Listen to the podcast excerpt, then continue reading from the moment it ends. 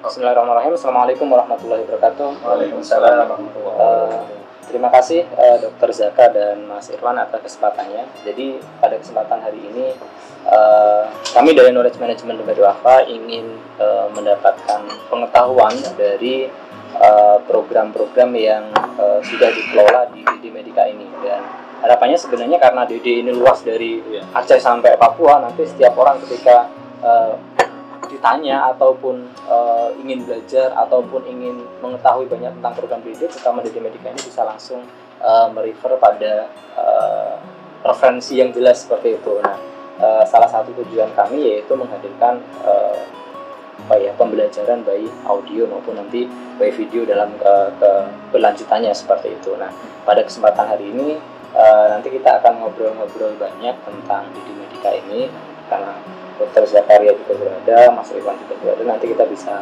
eh, diskusi lebih spesifik kaitannya dengan Medika ini. Iya. Nah, berikutnya saya serahkan ke eh, Dr. Zakaria untuk memberikan penjelasan. Sebenarnya kalau kita bicara tentang rumah sakit yang kita bangun ini dari A sampai Z-nya seperti apa sih? Kalau kita bicara tentang proses dan tahapannya. Oke. Bismillahirrahmanirrahim. Eh, jadi dompet duafa membuat sebuah terobosan yaitu untuk terjun dalam dunia berumah sakitan. Tapi memang yang digagas adalah menggabungkan antara sosial dan bisnis. Akhirnya eh, ketemulah sebuah konsep namanya rumah sakit berbasis wakaf. Ya, next. Nah, rumah sakit berbasis wakaf itu next lagi adalah, nah ini Eh, karena sebelumnya kenapa kita berani eh, untuk menggaungkan rumah sakit berbasis wakaf? Karena bertemunya lembaga filantropi khususnya dompet duafa yang sudah malang melintang di dunia zakat infak sedekah khususnya adalah wakaf. Nah ini ingin lagi digaungkan kepada masyarakat bahwa wakaf itu tidak hanya 3M yang kemarin disebut ya.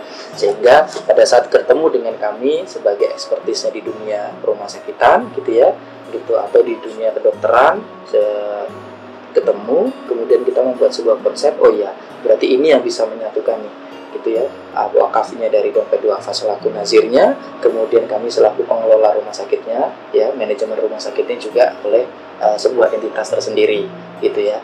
Nah adapun eh, peran-peran masing-masing itu ya tidak lepas dari kolaborasi tidak saya berdiri sendiri dompet duafa berdiri sendiri tidak. Pasti ada eh, kolaborasi yang yang cukup baik lah di dalamnya Nah, ini selalu kita gaungkan. Pertama bahwa ini adalah sebuah legalitas kita tunjukkan kepada stakeholder kita atau orang-orang di luar sana bahwa dompet duafa secara legalitas sudah eh, ada dan bisa dipertanggungjawabkan. Seperti legalitas tentang zakat sehingga pada saat nanti kami mengkolekting zakat pada saat di sebuah proses bisnis kami sudah ada legalitasnya. Terus yang kedua yang dua wakaf. Wakaf pun sama. Di dompet duafa kan mengenal dua wakaf. Yang pertama wakaf aset ya, baik itu tanah maupun bangunan. Yang kedua adalah wakaf uang. Dan ini selalu kami tampilkan juga kepada stakeholder bahwa stakeholder tahu oh iya ternyata rumah sakit ini bisa dibayai, dibiayai dengan wakaf uang. Nah seperti itu. Next. Terus next. Next lagi terus. Nah ini. Yang pertama eh, ini sebenarnya bukan outcome ya. Salah satu lah dari outcome itu sendiri potensi potensinya kenapa sekarang itu kita membangun khususnya rumah sakit? Yaitu bahwa BPJS saat ini itu kurang lebih triliunan bahkan eh, puluhan triliun ya yang digelontorkan oleh pemerintah. Nah secara otomatis sinergi juga dengan duafa yang ada di kita nih gitu. Bahwa duafa sampai kapan kita biayai duafa itu? Kan seperti itu. Nah dengan adanya program BPJS ini setidaknya kita bisa revolving duafanya. Contoh tahun pertama kita mengumpulkan 500 duafa ya. Nah tahun depan duafa yang 500 ini sudah ikut program BPJS ya. Dan bahkan BPJS itu pun berobatnya ke rumah sakit kita sehingga duafa yang lain bisa kita tampung gitu ya. Dari 500 duafa pertama sudah jadi BPJS kembali ke 500 duafa kedua kan gitu. Jadi per batch lah kita inginnya seperti itu dulu. Nah di samping itu juga rumah sakit juga bisa melayani BPJS itu sendiri kan sehingga revolving untuk menuju outcome-nya yaitu sustain. Yang tadi jadi duafa tetap terlayani ya kan? Terus yang kedua rumah sakit ini pun bisa sustain dengan eh, pembiayaan yang ada. Kan seperti itu. Nah sehingga inilah yang uh, digagas wakafnya dari dompet duafa potensi dari medisnya sudah ada yaitu BPJS pasien duafa maupun pasien umum seperti itu next nah bisnis modelnya sekarang bahwa uh, di PT DDM khususnya kita mempunyai empat bidang bisnis yang pertama yaitu pengembangan layanan kesehatan berbasis wakaf. Gitu. Jadi contoh ada rumah sakit yang sudah mangkrak, ya kan? Kalau orang normalnya dibeli aja, dah dibeli gitu kan? Nah itu mengeluarkan modal. Nah tapi kita dengan pendekatan tadi dompet duafa masuk, ya akhirnya rumah sakit itu diwakafkan murni kepada dompet duafa gitu.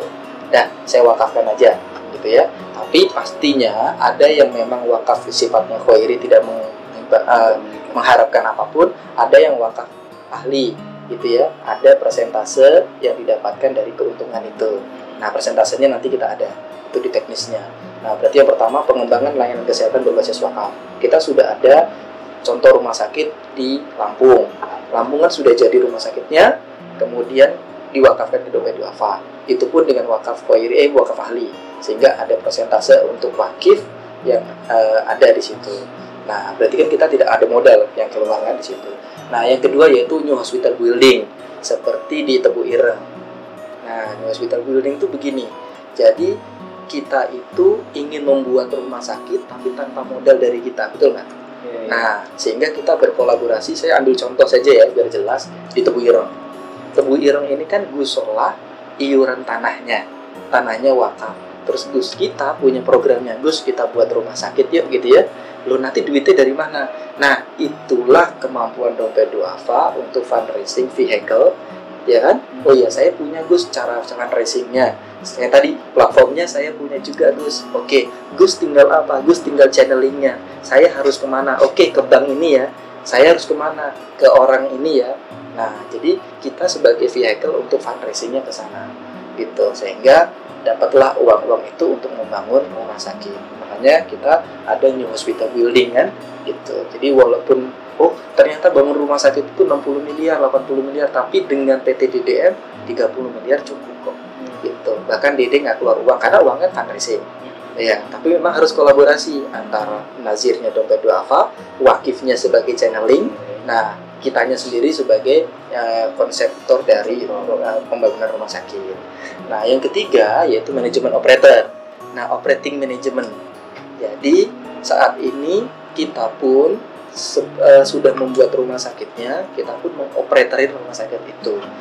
Nah, apa yang dioperatori ini sebenarnya banyak. Yang pertama adalah konsep sosial bisnis dari rumah sakitnya atau konsep bisnis dari rumah sakitnya. Contoh, sekarang kan eranya JKN banyak rumah sakit rumah sakit yang menganggap era JKN ini merugikan lah gitu ya nah dan era JKN ini justru membuat orang nggak nyaman tapi dengan operatornya kita kita buat bahwa beda loh itu bahwa BPJS itu justru anugerah. Coba dulu kalau nggak ada BPJS berapa duafa yang disubsidi sama dompet duafa ya nggak?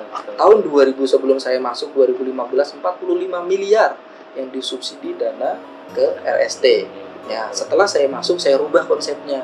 Kalau dulu operasional semua dibiayai oleh dompet duafa. Jadi pasien ada tidak ada tetap biaya operasional dikasih.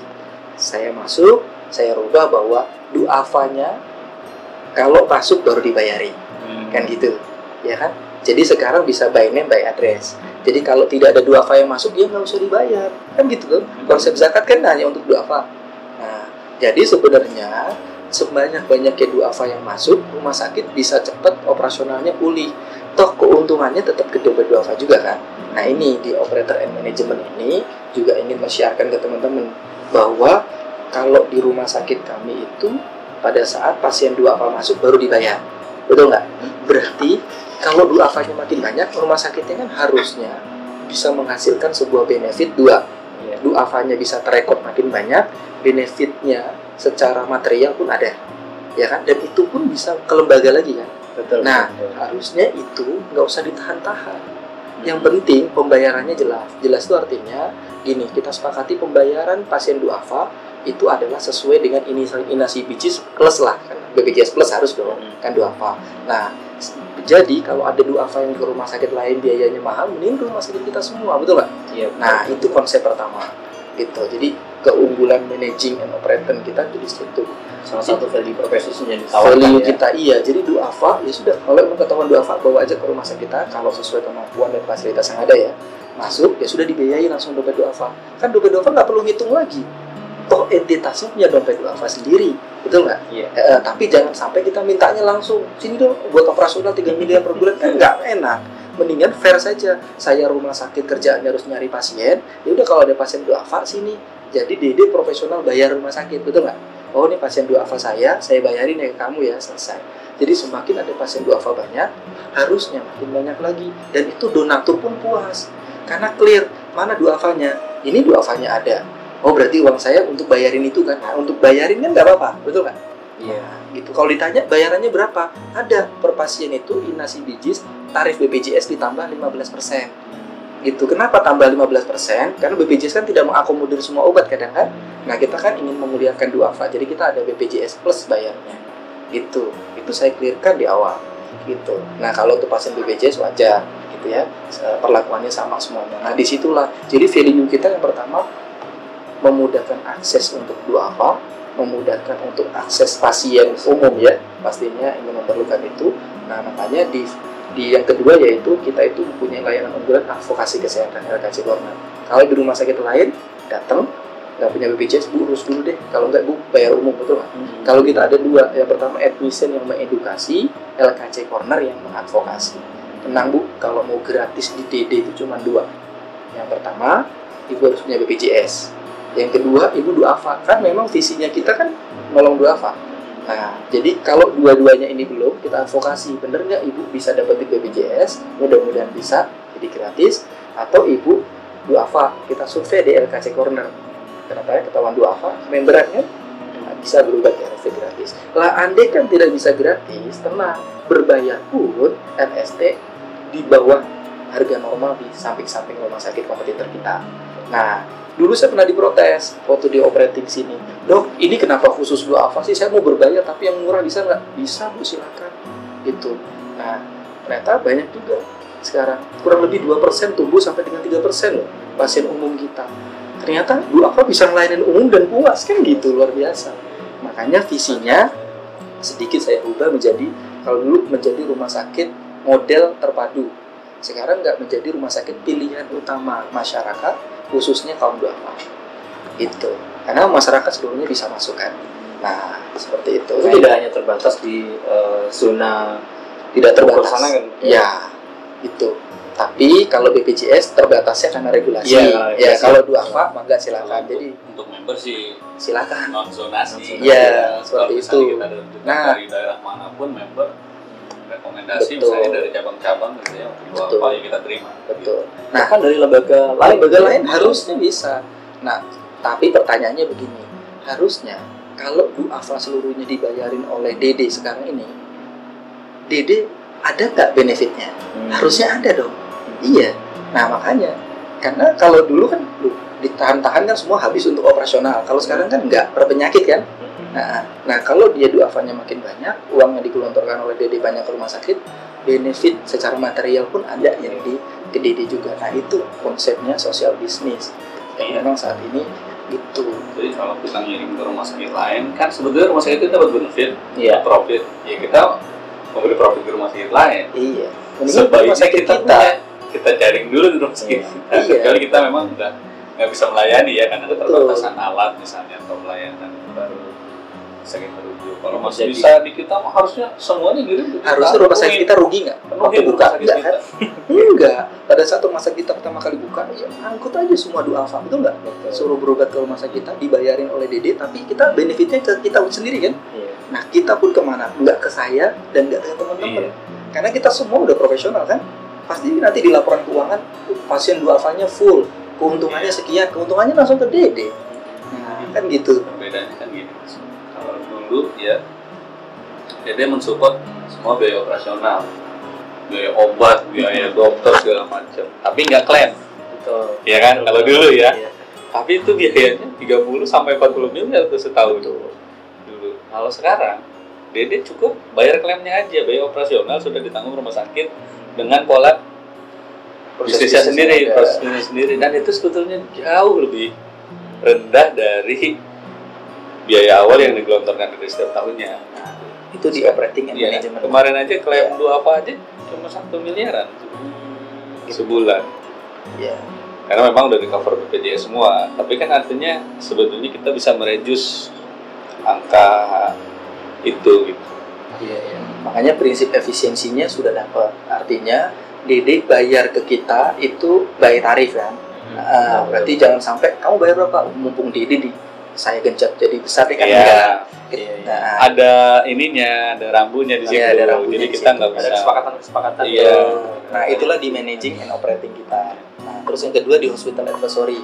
Nah, ini memang di hospital advisory ini karena kita sudah mengelola tiga itu, jadi sama kayak knowledge management itu. Kita punya sebuah konsep, ya kan? Wah, ini kayaknya ada rumah sakit kolaps nih. Apanya keuangannya atau di operasional? Kita pengennya gini. Oh iya, kita taruh deh orang keuangan, kita ajarkan gitu ya. Nah, ilmu kita yang sedikit ini, Bu, gini Bu, ini tuh bangkrut gara-gara ini loh. Gitu. Iya. Mungkin tidak efisien di sininya dan di sininya. Kita punya template itu. Atau pada saat ada sertifikasi akreditasi. Kan rumah sakit kita sebelumnya sudah akreditasi. Jadi kan kita sudah punya expertise lah ya di RST. Nah, tinggal kirim orang ke sana. Kan orang itu kan yang kurang kan gini, nggak punya tim kan. Atau nggak ada yang bisa mengikat tim itu kan. Jadi, oh, ini bangun rumah sakit susah banget nih, akreditasi susah banget ya pengalaman itu. Nah, kami punya kita advisory lah mereka-mereka ini sehingga mereka bisa contohnya ada rumah sakit yang di Riau ya kan ini BPJS apa? Nggak bisa BPJS gara-garanya belum akreditasi. Nah kami turunkan tim ke sana. Walaupun itu bukan rumah sakit kita kan? Ya udah kita pertama pakainya fee-nya visabilillah dulu. Kan gitu kan? Jadi kita advisory dengan visabilillah bu saya bantu ya yang penting bisa akreditasi lulus gitu kan? Nah akhirnya salah di sana berhasil ya akreditasinya dan lanjut BPJS. Kemarin bilang lagi dok, ini udah mau verifikasi gimana ya? Padahal dia mau menyerahkan rumah sakitnya ke kita. Kan pancingannya itu dulu kan? Oh iya dompet aku udah berhasil nih kemarin bimbing kita akreditasi. Saya mau serahin rumah sakitnya gitu. Nah, tinggal kembali lagi ke pasal satu tuh healthcare-nya mau di-develop oleh kita. Dia mintanya apa? Kalau wakafnya wakaf wearing, saya tenang. oh berarti itu tidak hanya rumah sakit yang dalam jangkauan Iya, Iya. kita ya Iya. juga di luar juga di luar juga. Iya, dia mau mewakafkan, dia saya wakafin deh. Tapi saya minta A, B, C. Nah, A, B, C-nya kan harus kita bisa akomodir ya. Jangan sampai diiyakan semuanya. Nah, kembali ke pasal ini. Nah, makanya di situ empat-empat model bisnis inilah yang kita kembangkan selama ini. Next. Nah, ini teknisnya. Pada saat tadi kita pengen development by wakaf, ini skema wakaf yang ditawarkan. Yang pertama, orang bisa menawarkan wakaf aset. Kami akan tawarkan, Pak, Bu, Ibu punya apa? Oke dok, saya itu punya rumah sakit tapi sudah bangkrut, tutup. Ya sudah, Ibu wakafkan aja ke kami. Tapi saya minta dok, itu sekian persen. Oh nggak bisa Bu, kita bisanya mengakomodir 20 persen saja. Seperti itu. Oh ya udah nggak apa-apa dok, tapi kan seumur hidup karena wakaf ya. Ya udah. Nah akhirnya wakaf ini diserahkan ke kita dalam bentuk aset. Baik itu rumah sakit sudah jadi maupun bangunan, eh maupun tanah. Nah, tapi kita lebih selektif kepada bangunan langsung lah, lebih cepat kan. Nah, yang kedua wakaf saham. Nah, ini memang lebih advance lagi. Wakaf saham tuh begini. Contohnya Al Azhar itu kan wakaf sahamnya dari terusan Suez. Jadi Al Azhar itu kalau setiap terusan Suez itu untung, separuh untungnya kan diwakafkan ke Al Azhar. Jadi dia bisa menggratiskan, bisa mengapapun kan gitu. Nah, itu sama. Nah, kita pengen coba nih gitu mewakafkan eh, ada rumah sakit dulu mas saya tawarin ada rumah sakit Kim. Nah itu dibangun berapa ya? 200 miliar kalau salah. Dan dia kan mandek ya kan?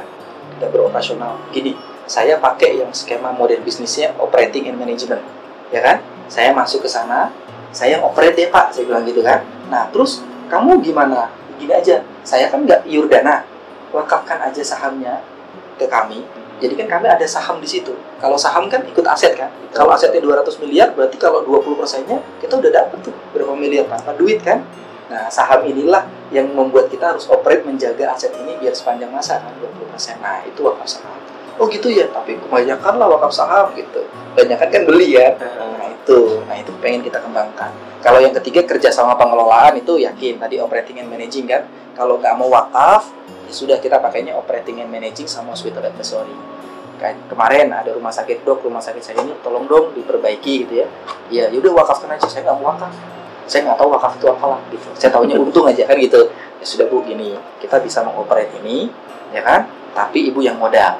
Itu yang di Palembang ya, yang di Iya. Palembang. Itu. Atau yang kedua, ibu yang tetap operate, ya kan kami hospital advisory saja. Keuangan kita taruh di situ. Nah udah ibu biayai aja orang keuangan kami. Kami dapat fee manajemen aja. Gitu. Nah jadi pola empat itu terus aja. Nah ini pola wakafnya seperti itu. Nah, next kalau saya ngasih contoh ini loh, ya Iya, kerja sama pengelolaan. Nah, ini juga ada menarik nih. Dompet wakaf kerja sama sama Badan Wakaf Indonesia. oh iya BWI Iya, jadi kerja sama sebenarnya di Join Najir. iya. Join Najir sebetulnya rumah sakitnya eh, bangunan dan tanahnya punya BWI. Tapi BWI menyerahkan pengelolaannya ke dompet duafa. Udah tahu storynya? pernah dengar gitu Iya, tahun 2018 ya dok ya. 17 17 itu eh, BWI rencana mau bikin rumah sakit. Belum selesai pembangunannya mangkrak. Dari tahun 2012 sampai tahun 2017 itu mau kita gitu. hmm. udah banyak penghuninya ya bu ya Bukan lawarnya itu banyak. Wah, itu Iya. kalau cerita awal-awal kita sana dok ya cuma ada videonya aja ya. iya gua tuh udah jadi sarang Batman lah Isinya oleh awar. Itu kalau Jutaan kita sana ya kita buka baju, itu untuk nutupin hidung, jadi buka baju pingsan untuk bisa, nutup bisa. hidung. Sama center HP ya. iya center uh tuh siang juga serem banget itu karena gelap Alhamdulillah nih dompet apa kelola tahun 2018 beroperasional nah sekarang bisa dilihat tuh PWI seneng banget sekarang kalau apa-apa. Wakaf asetnya ke BWI wakaf asetnya tapi kita mengelola. Nah sekarang. Alhamdulillah udah udah rat, udah berapa ya 400 pasien duafa yang dioperasi katarak juga udah cukup ini loh memberi manfaat udah luar biasa. Kalau kalau yang wakaf saham ini sudah ada portofolionya dok? Belum. Belum ya? Ini sudah ya bukan lancang kuning bukan lancang kuning itu dibeli dengan uang wakaf wakaf uang untuk membeli saham. Ya gitu. Ini ini keren tuh kalau ditawarkan. Contohnya Danun ya kan? Nah kan sekarang udah lagi di approach kan? Ayolah Danun itu untungnya kan besar banget. Ya minimal 5 persennya wakaf lah ke DD dari keuntungan itu. Jadi terus aja ngalir sepanjang itu kan gitu. Sebenarnya ini wakaf saham ada dok, contohnya yang Lamina gitu. Oh iya, Lamina, Lamina. Cuma kita nggak kelola. ya kalau Dia eh, manajemen kesehatan juga ya, klinik yang di Mampang itu, Spine and Spine and Spine Center, Iya. klinik jadi tulang belakang. Dia mewakafkan wa- sahamnya Sahamnya berapa? 10%. ke dompet rumah sunat tau kan? Rumah sunat itu 10 persen. Sahamnya diwakafkan ke kita Iya. rumah wasir 10 persen diwakafkan Cuma pengelolaannya ya masih Semuanya mereka. jadi entah keuntungannya mereka seperti apa kita nggak tahu. Gitu. Next. Nah kalau ini teknis dari prosesnya. Pada saat kita dapat aset wakaf biasanya kita kasih ke ownernya. Bu ibu mau wakaf kan ya tulis dulu bu. Ibu pengennya apa sih biar clear ya kan kita harus jelas ya. Gitu. Oh iya pak dokter saya ingin wakafkan rumah sakit saya tapi saya minta anak saya titip ya ibu saya titip ya ini saya titip. Kan boleh diminat wakaf kan? Tulis dulu keinginannya. Kan orang meninggalkan harta itu kan luar biasa kan? Gitu. Iya coba rumah sakit loh dan besar lagi kan gitu. Iya. Nah pasti ada minat wakaf. Di minat wakaf itulah nanti kita lakukan due diligence. Baik di minat wakafnya maupun di asetnya. Contoh kita dapat aset di puncak tapi puncaknya nggak bisa diakses mau dibikin rumah sakit gimana? Kan nggak mungkin kan gitu. Gitu. Rumah sakit di sana? iya siapa yang mau ke sana gitu. Nah ini orang-orangnya dari mana aja di capture kan gitu. Nah di due diligence inilah kita biasanya dituntut untuk memberikan ya summary lah executive summary bahwa ini project bisa jalan nggak sih gitu pada saat kita terima itu nah terakhir nanti komite wakaf. Nanti di komite wakaf kami ditanya ini project visible nggak sih? Kalau visible lanjutkan kalau enggak enggak nah komite wakaf itu kan adanya di Nazir ya. Gitu. Dan itu lembaga dompet duafa kalau kami kan operator aja kan. Hmm, ini kan ibaratnya aset wakafnya sudah diwakafkan. Kalau oke kami yang mengelola sanggup ya sudah oke. Berarti di komite wakaf ya kan. Kalau komite wakaf sudah oke ikrar wakaf di KUA ya kan? Kalau proses wakaf bukan di kita, Iya. gitu. Kita gunakan tim wakafnya. di wakaf. Kita hanya operator saja berarti kan? Seperti itu. Gitu. Jadi ke KUA jadi kalau Mas Erwin sering ke KUA bukan mau nikah Iya. lagi memang ikrar wakaf ya next nah ini dia ini skema wakafnya jadi kalau ada wakif yang tadi ini yang punya aset ya Nah, kemudian asetnya yang hijau ini diserahkan ke nazir. Nah, berarti yang tadi ikrar wakaf selesai di situ. Berarti aset ini tidak boleh dijual dan diwariskan. Nah, terus bagaimana memproduktifkannya? Bentuk PT pengelola. Nah, PT pengelola itu siapa? Ada PT DDM dengan wakifnya di dalamnya. Gitu. Contohnya, situ punya motor, motornya dikasih ke Dede, diwakafkan. Nah, untuk ngojeknya saya. Saya untuk ngojeknya nih. Nah, tapi untuk nanti hasil ojeknya saya sharing gitu sama yang punya motor nih. Nih hasilnya segini kita baginya profesional ya. Nah, berarti sama-sama menjaga nggak? Sama-sama menjaga. Itu clear di dunia ibaratnya kita. Gitu di situ. Mutualismenya jelas. Jelas dari awal. Jangan ada yang ditutup-tutupi kan gitu. Nah, kemudian dari PT pengelola ini kita tunjuk operasionalnya, drivernya siapa kan gitu kan. Kita tunjuk drivernya udah kamu ngojek pakai motornya wakif ya. Nanti kamu sharing bagi hasil ya sini ya. Nah, udah makanya ada direktur rumah sakit kan beda kan direktur PT sama direktur rumah sakit kan Iya, iya. nah Jadi kalau PT pengelola ini kan PT Medica. itu Operasionalnya direktur rumah sakit masing-masing. ya Nah, mereka ini kita yang menunjuk gitu. Menunjuk tuh ya jadi yang arah yang hijau nazir ke sini udah urusannya akhirat aja nih sama sewa wakaf artinya ya kan Iya. nah yang ke sini baru bisnisnya iya Ini bebannya ada di sini. iya bebannya memproduktifkannya di situ kan Gitu. Memproduktifkan Nah. jawabnya sebenarnya yang paling berat sih dunia akhirat Iya, iya. ini. ya Karena eh, skema wakaf produktifnya akan kelihatan Iya. di situ ya. betul. Ya, betul. iya gitu. Nah nanti mem- cara memproduktifikannya nah, ada di bawah. Next. Nah ini dia. Jadi kalau kita mau bangun sebuah rumah sakit yang pertama untuk membangunnya sebelah kiri. Oke. nah dari wakaf ya. Tadi kan ada fundraising wakaf ya kan? Endowment fund seperti apa? Seperti kata ceriti kita presentasi tiba-tiba ngasih 12 miliar. Dah kamu bangun rumah sakit. Nggak biaya? Nggak biaya. Terus yang kedua commercial investment. Kalau komersial jelas. Kita mau merambah ke sana kan? Contoh gini ini ada aset wakaf. Eh bayarin dulu dong. Bikinin dulu dong. Satu tahun biar di- kayak BOT Iya, iya. Nah nanti lima tahun saya cicil pakai uang fundraising, kembali lagi ke atas kan, pakai wakaf atau endowment fund, ya nggak? Yang nyicil bukan kita, kita cari, gitu. Jadi bisa terwujud terlebih dulu. Kalau nungguin fundraising kan lama, ya kan? Nggak jadi-jadi. Nanti wakif marah-marah. Kok aset saya gimana sih nggak jadi-jadi kan gitu. Nah memang di commercial investment kita harus berani. Berani artian nanti akan dibayarkan lewat wakaf atau endowment fund atau dari operasional kita. Kan gitu kan?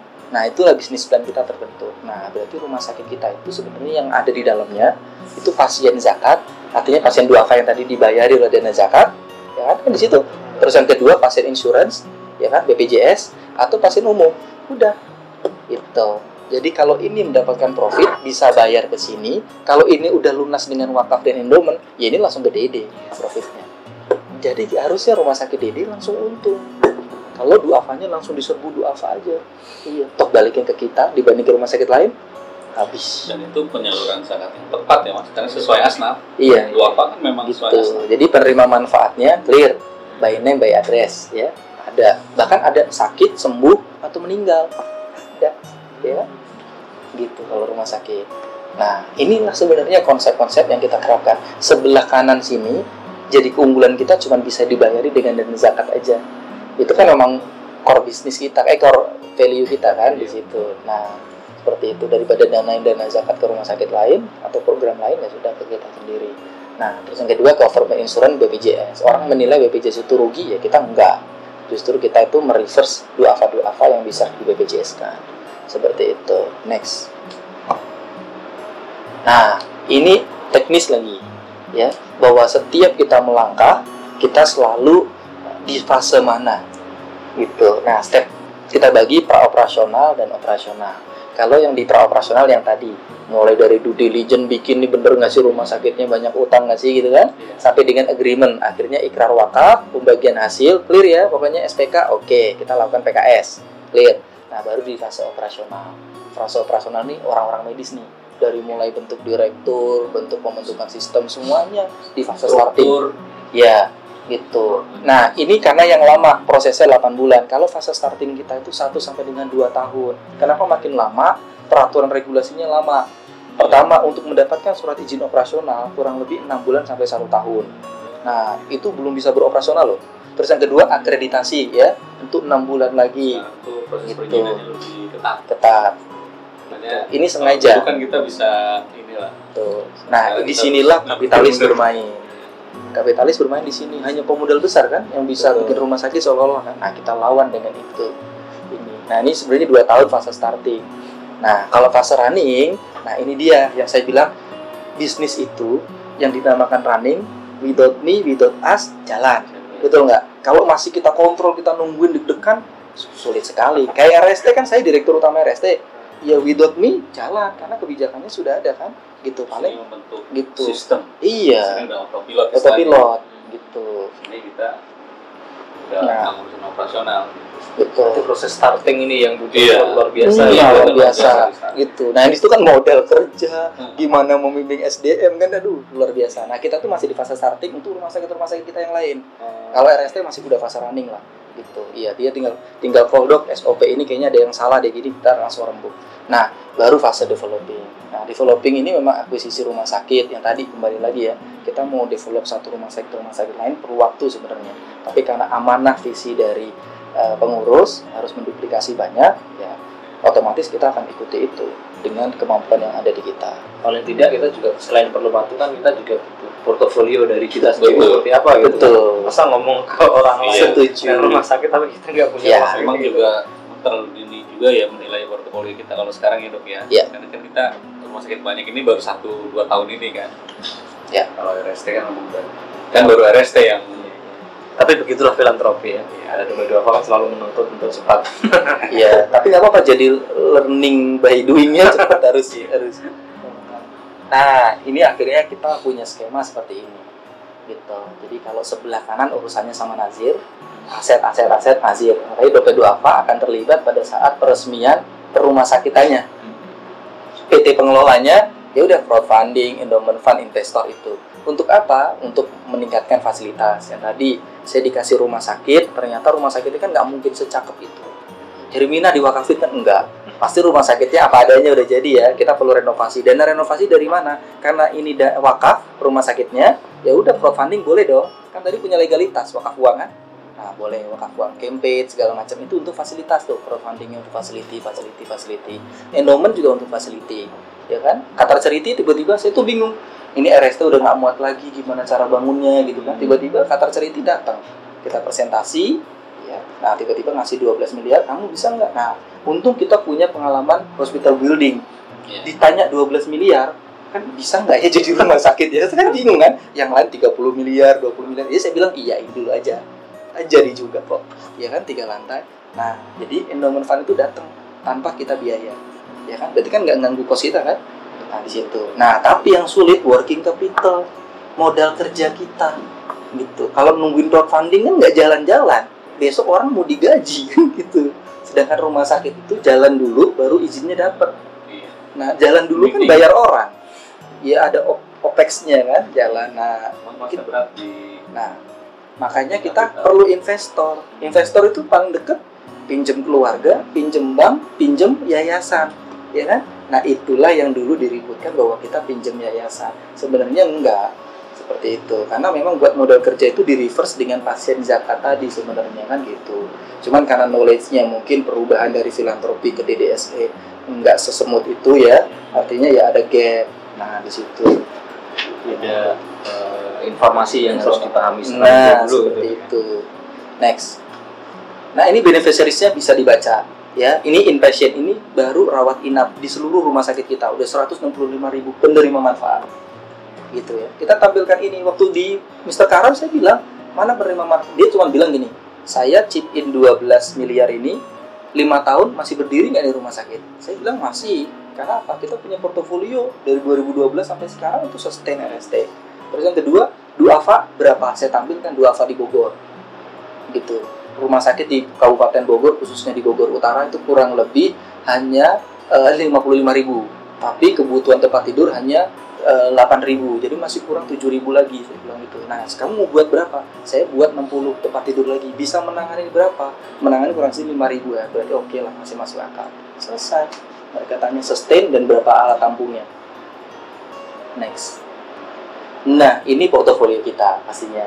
Kita, kita sudah mengelola tujuh sebenarnya. Kalau rumah sakit Tebuireng kan baru pembangunan ya. Ah, kalau Udah berapa persen dok? Iya. udah 40 persen. Iya, gitu. Rencana berapa sih? Maret atau Juli, Juli, Juli 2020. Nah, ini juga sama tadi. Ini skema investor. loh. Nah, jadi dibangun dulu rumah sakitnya jadi satu tahun, baru kita cicil kan fundraisingnya. Nah, itu. Karena kalau nungguin fundraising terkumpul dulu 30 miliar, lo kapan selesainya? Di situlah. Nah, optik kita udah punya dua di zona Madinah sama di rumah sakit mata Serang. Apotek ada di Farma Ciputa. Nah, ini masih yang lama ya. Karena ini belum holding waktu saya presentasi ini. Next. Nah, ini sebarannya rumah sakit kita. Next. Nah, ini contoh rumah sakit kitanya. Udah pastilah tahu. Next. Nah, ini contohnya ini satu hektar loh. Nih, tuh. Aka Medika. Oh, satu hektar itu mau belakangnya mau bercocok tanam tuh sama yang KMM boleh. Kebun ini Kebun. Bonaga loh. dari Subang kita Nah, minta. kalau kita kolaborasinya keren kan, pemberdayaan di situ, wah. RST aja, saya mau bikin taman bunga. Masuk bayar lah, di bunga.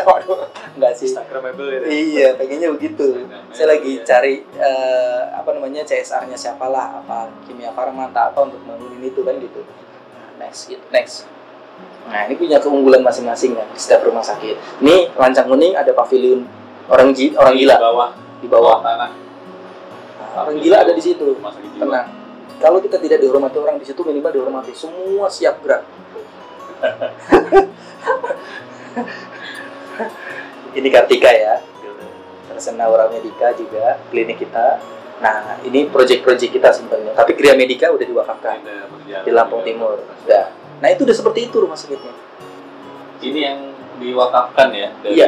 Pak Dedi. Pak Dedi sudah jadi sakit. DPR Provinsi Lampung. Nah, next.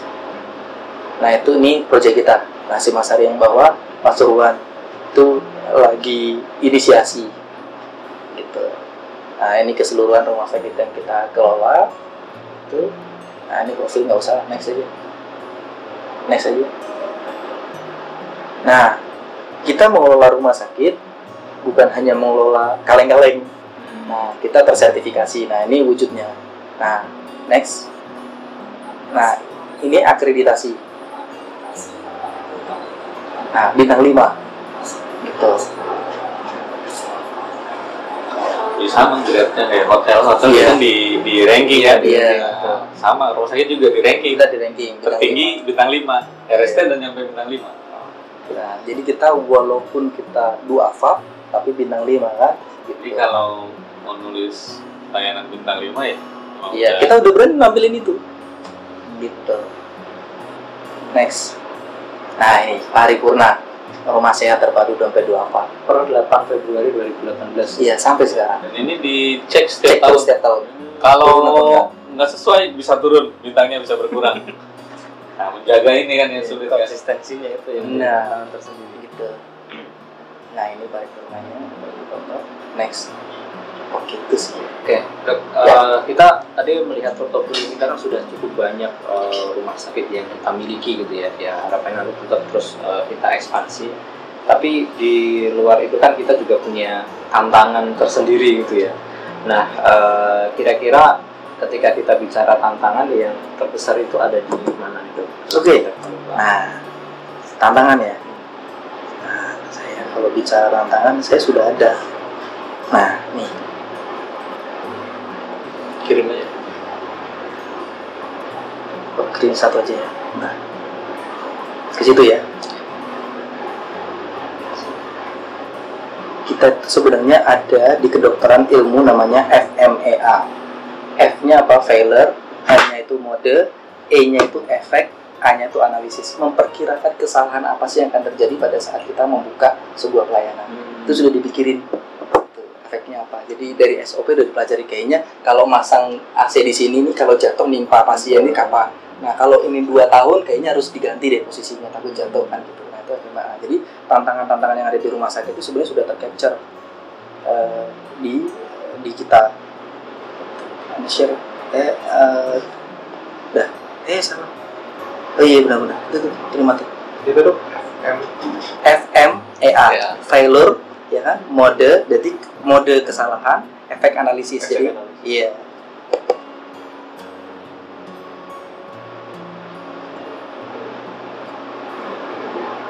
Play play. Itu tutup play play play. Play aja play. Nah nah ini sih proses tantangan di layanan kesehatan. Gitu. Proses bisnisnya sama. Contoh proses bisnis itu gampang banget di di medis pasien datang ketemu dokter dokter periksa kasih resep kasih obat pulang. Betul nggak? Atau dirawat. Nah tapi di sinilah yang eh, kita harus benar-benar gitu. Intinya kan cuma di leadership dan tata kelola manajemen. Nah kalau di leadership hubungannya sama yang kiri kalau yang tata kelola manajemen sebelah kanan. Gitu. Ada contoh rumah sakit yang kita adversary ya kan? Karena tidak tidak punya hubungan dokter dan manajemen tuh wah selalu apa gimana antara kucing dan Iya, nggak pernah ketemu. Tikus Gitu. lah, gitu. Wah, anggel-anggelan lah dan segala macam. Akhirnya ya karena eh, leadershipnya nggak jalan, kan nggak harmonis jadinya. Kompetensi SDM kita terima SDM-nya yang tua banget, dia apa juga nggak bisa nih. Gitu. Ya terjadi di kuning. teknologi kedokteran Gitu. makin canggih Iya. skill juga perawat harus lebih ngikutin gitu dokternya juga harus Nah, ngikutin Iya, itu juga di USG leadership juga. udah empat dimensi ya Yang ketiga yaitu yang keempat keterbatasan dokter. Contoh di rumah sakit AK. AK itu spesialis anak cuma satu. sekabupaten itu udah praktek di lima tempat padahal jarak dari satu tempat ke tempat lain dua jam Itu kenapa tuh dok? nggak boleh dia pengen tetap jadi raja-raja kecil di situ karena ketika dokter baru mau masuk situ harus izin sama dia Izin. memang ada regulasi begitu Itu khusus untuk wilayah tertentu atau budaya budaya. Oh, ada budaya tertentu. Sudah semua peraturan ya. Iya. cuma ada yang benar-benar menerapkan ada Iya. yang enggak gitu. Nah iya betul. Gitu. Nah yang sebelah kanan inilah yang kebiasaan kita ya kan mengelola sehari harinya gitu. Yang pertama izin rumah sakit. Contoh ada salah satu rumah sakit yang izinnya nggak keluar keluar gitu kan. Kita bantu dulu sama Tuardi kan nggak keluar keluar Iya. lama nggak keluar keluar kan nah akhirnya keluar juga oleh kita. Itu tantangan juga kan di kita gitu. Terus yang kedua keterbatasan dana. Ini BWI diwakafkan tanahnya BWI bangun. Baru setengah jadi udah nggak ada dana. Iya. kabur jadi sarang kelelawar. Dengan kita yuk kita bangun lagi selesai gitu. Nah keterbatasan dana. Yang kedua fasilitas pelayanan.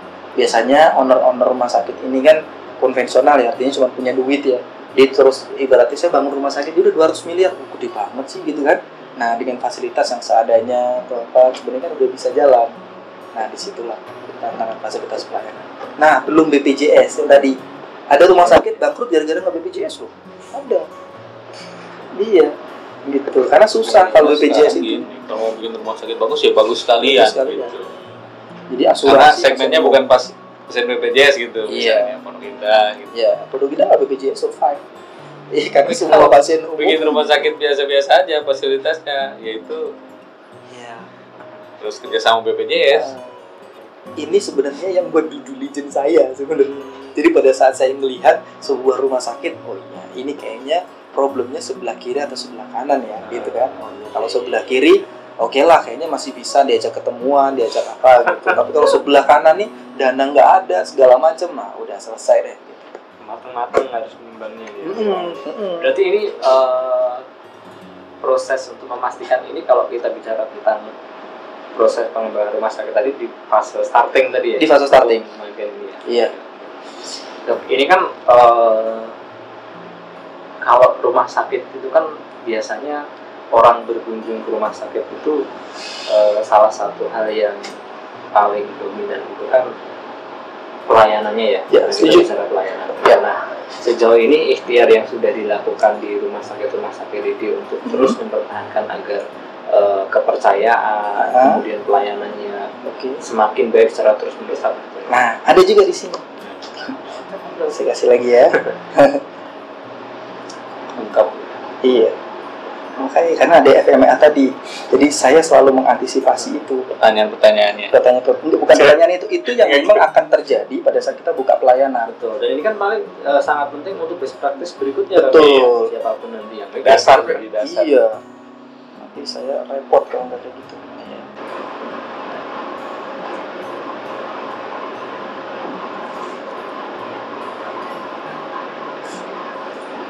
Kita itu ada dua. Ada program-program untuk mempertahankan eh, eh, salah satunya tuh nggak ada. Jadi kita itu dua eh, rumah sakit di era JKN saat ini, ya kan? Orang itu inginnya adalah harapannya adalah dilayani dengan gratis itu udah pasti. Nah itu secara administratif. Kalau secara pelayanan dia ingin baik dan berkesan. Kalau dosis nggak akan ditanyakan, iya. Jadi baik dan berkesan inilah yang ada. Nah, ini salah satunya. Ini program diklat sih sebenarnya.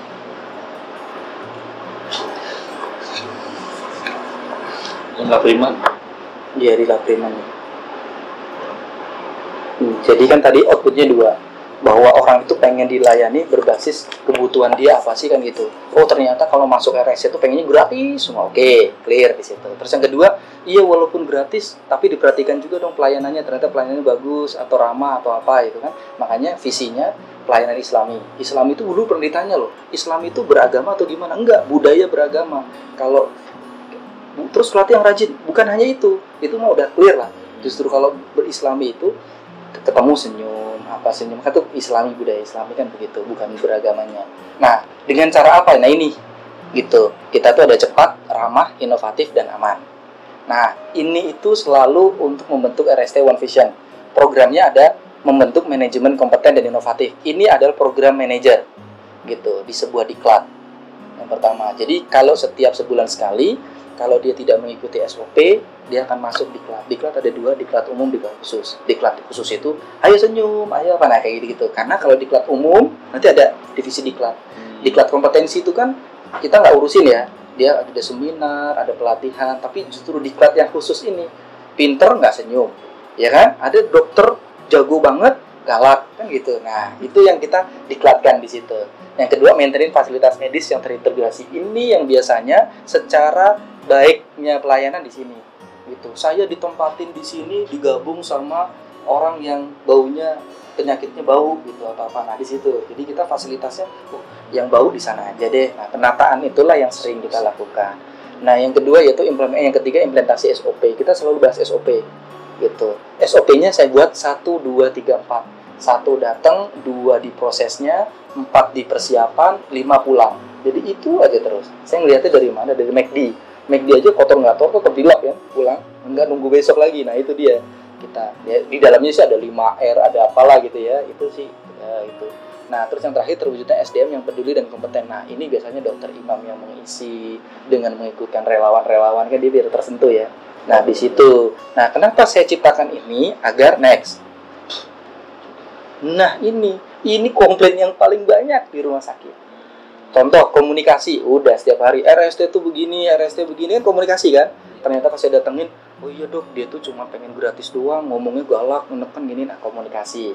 Berarti yang kedua administrasi, iya dok, dia tuh sebenarnya BPJS, ngomong aja dari awal BPJS gitu. Nah itu administrasi tuh, ngomong aja dia nggak punya uang kan gitu administrasi. Kalau hukum malpraktek, alhamdulillah belum pernah gitu. Nah yang saya saya hukum itu saya uh, kasih dengan SOP tadi kan. Kalau SOP-nya bener, hukum insya Allah lah ya prosedur-prosedur itu aman lah. Nggak ada tuntutan nggak ada apa pun. Nah di administrasi dan komunikasi ini yang sampai sekarang kita tuh kerja tuh dari budaya kerja yang aman dan bermutu tuh cuma ngurusin administrasi dan komunikasi. IGD kita selalu dapat komplain kan wah perawat yang nggak senyum nggak apa kan gitu. Nah jadi emang rumah sakit paling paling banyak komplain tuh eh, apa namanya tuh pelayanan di rumah sakit. Betul beda ya misalnya kita ke restoran paling yang komplain sedikit. Kita mau ke hotel yang komplain sedikit karena kondisi orang ketika masuk ke rumah sakit Sakit, satu iya, iya. dia udah stres. Ya kan? lihat kondisi saudaranya atau siapanya apalagi Iya, anaknya misalnya kan? iya, dia dalam kondisi baik. Nah, iya. kedua ngeliat saudara eh pertama ngeliat saudaranya atau anaknya dalam kondisi yang enggak ini. Kedua kondisi keuangan. Sama stres gitu. Jadi orang tuh dalam kondisi begitu hal-hal yang kecil aja perawat itu bisa dikomplain gitu salah-salah ngomong dikit aja bisa jadi Iya. masalah beda jadi psikologis orang datang ke rumah sakit itu emang dalam kondisi psikologis yang nggak bagus gitu jadi rawan banget ya komplain itu di operasional kita tuh. jadi setiap hari mengelola ini aja nih di pelayanan kesehatan tuh dah Iya, gitu Mungkin. Nah. Dok, pertanyaan terakhir nih dok ya. Oke. Eh, sejauh ini sebenarnya eh, faktor penting apa yang eh, menunjang keberhasilan RSDD ini saat ini maupun nanti yang akan datang sehingga ini uh, bisa dipahami oleh stakeholder yang ada di Medo apa gitu ya baik itu dari pimpinan dan sebagainya karena kan uh, kita berada dalam lingkup yang sama gitu kan Hmm. dalam konteks memberikan pelayanan sebaik-baiknya terhadap duafa Hmm. uh, di bidang kesehatan Hmm. gitu. Yang pertama itu eh, prinsipnya harus punya SOP atau prosedur yang transparan, clear sehingga dari awal sampai start to end-nya kita jelas. Karena kita hidup kan berorganisasi bukan saya dan teman-teman yang ada di sini, tapi seluruh gitu kan organisasi harus tahu itu satu. Yang kedua, karena sekarang 4.0 ya harus digitalisasi mau nggak mau. Kalau bisa diklik dari sini pun udah tahu bahwa rumah sakit kita di mana aja kan. Nah itu sih.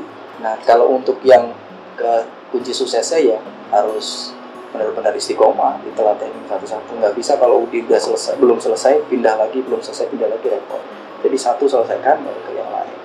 Itu sih. Berarti sejauh ini memang kalau di rumah sakit sendiri sudah ada sistem yang menunjang kaitannya dengan report, pencatatan pasien gitu dok ya? sudah ada tapi masih sebatas eh, tersistem tapi belum terlalu digitalisasi sekali.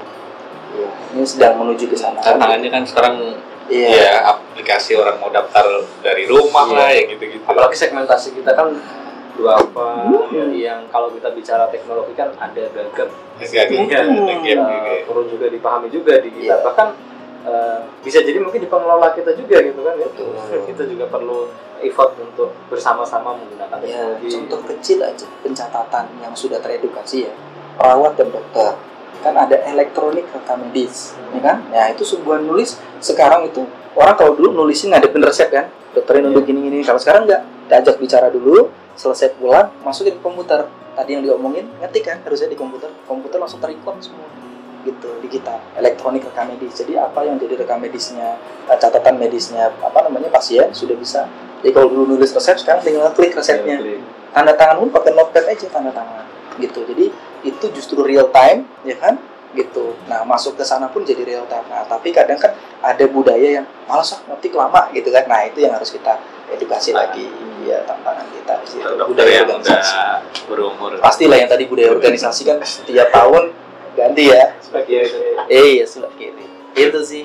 Baik, terima Kita- kasih. eh, Dokter Zaka dan Mas Ivan atas kesempatannya. Ini Cok. sangat berharga eh, dan eh, informasi ini semestinya sudah dipahami oleh Didi ketika kita menginisiasi eh, rumah sakit seperti itu ya, sehingga nanti kita bisa bersama untuk memastikan ketika memang ada kerabat, tetangga kita yang eh, butuh pelayanan medis gitu ya, kita bisa eh, merekomendasikan. gitu. Kalau- eh, kalau tadi kan ada apa LKS corner ya Iya. LKS corner yang bisa memberikan advokasi ketika memang ada katakanlah kaitannya dengan BPJS nggak tahu banyak kami bisa dibantu oleh advokasi seperti itu Baik, terima kasih atas kesempatannya Sama-sama. Dan dokter Bang.